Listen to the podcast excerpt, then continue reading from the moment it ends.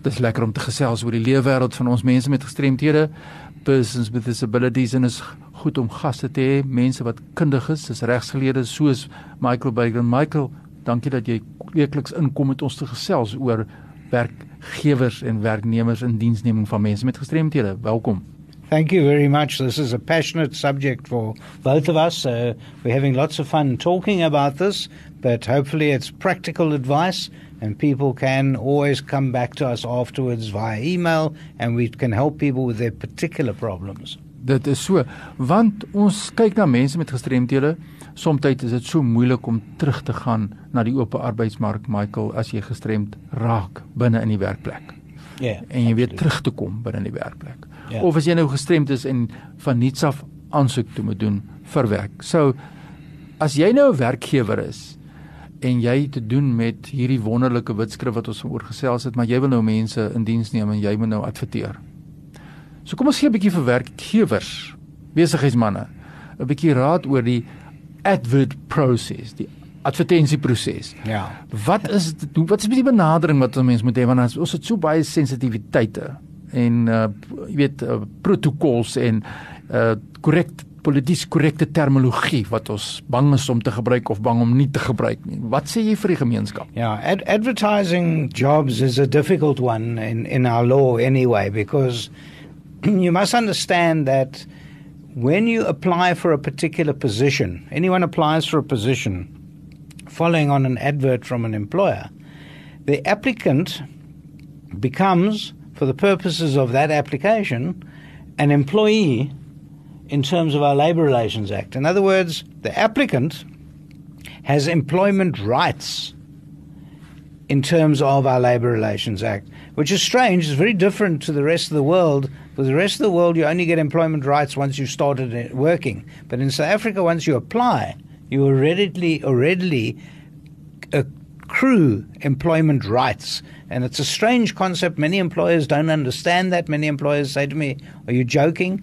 And I've said, No, I'm not joking. If you put an advert in the Sunday Times and they're saying that I'm looking for a plumber, and the plumber applies from Pofada and you're sitting in Cape Town, and he says, I want the job, and you write back saying no, he can ask reasons why, and then he can even take you to the CCMA in Pofada. And so it's a problem area advertising altogether.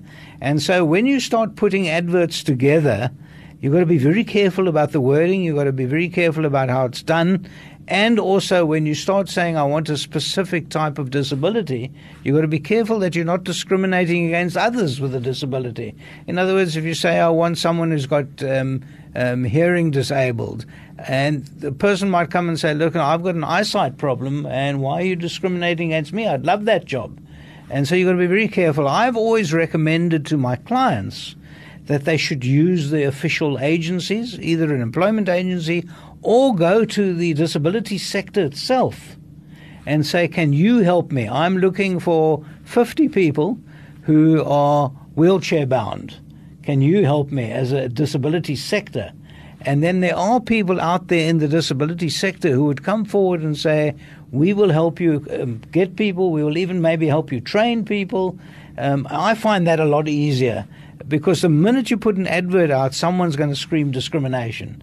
So, like I said, it's it's a problem area because they accrue employment rights immediately upon reading the advert and applying. And if you say to someone, "I don't want you because you're too fat," that's discrimination.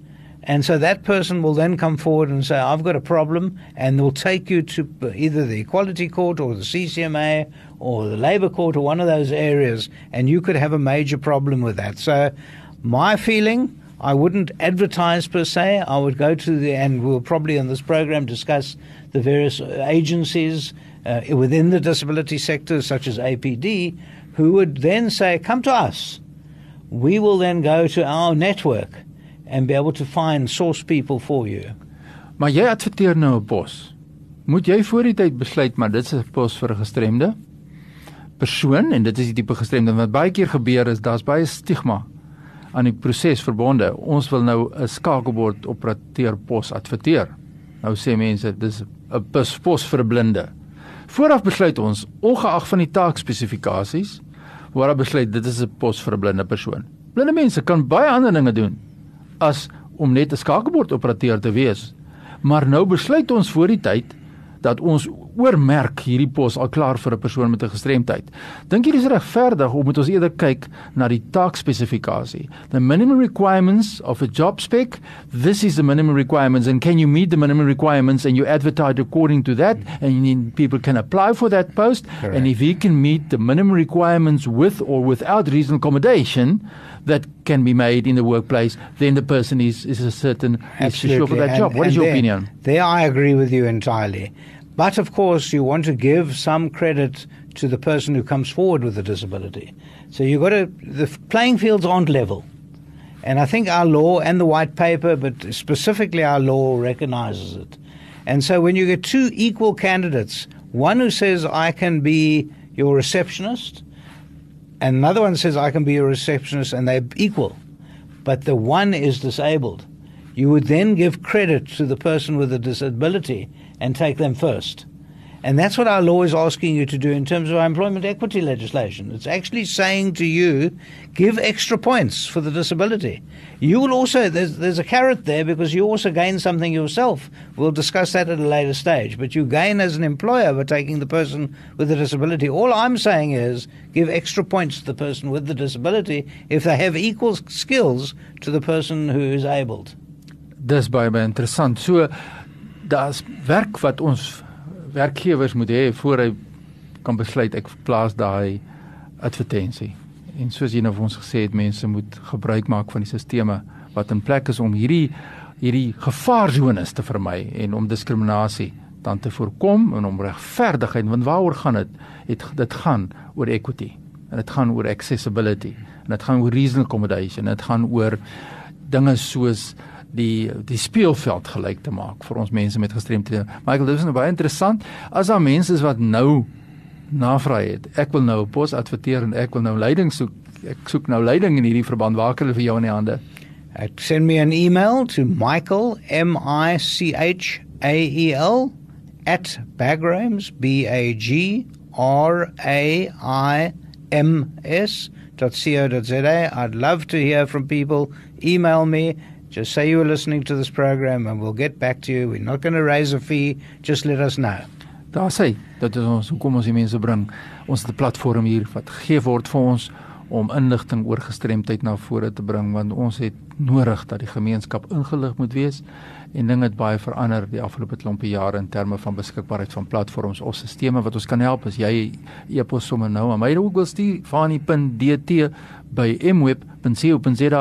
Ek sal seker maak dat die inligting ook by Michael uitkom of as jy nie toegang het tot internet, stuur 'n SMS aan 082 820 7358. Merk dit werk en in diensneming, work and employment and we make sure that the information is being through to Michael. Michael, baie dankie ons gesels volgende week verder oor werk en indiensneming.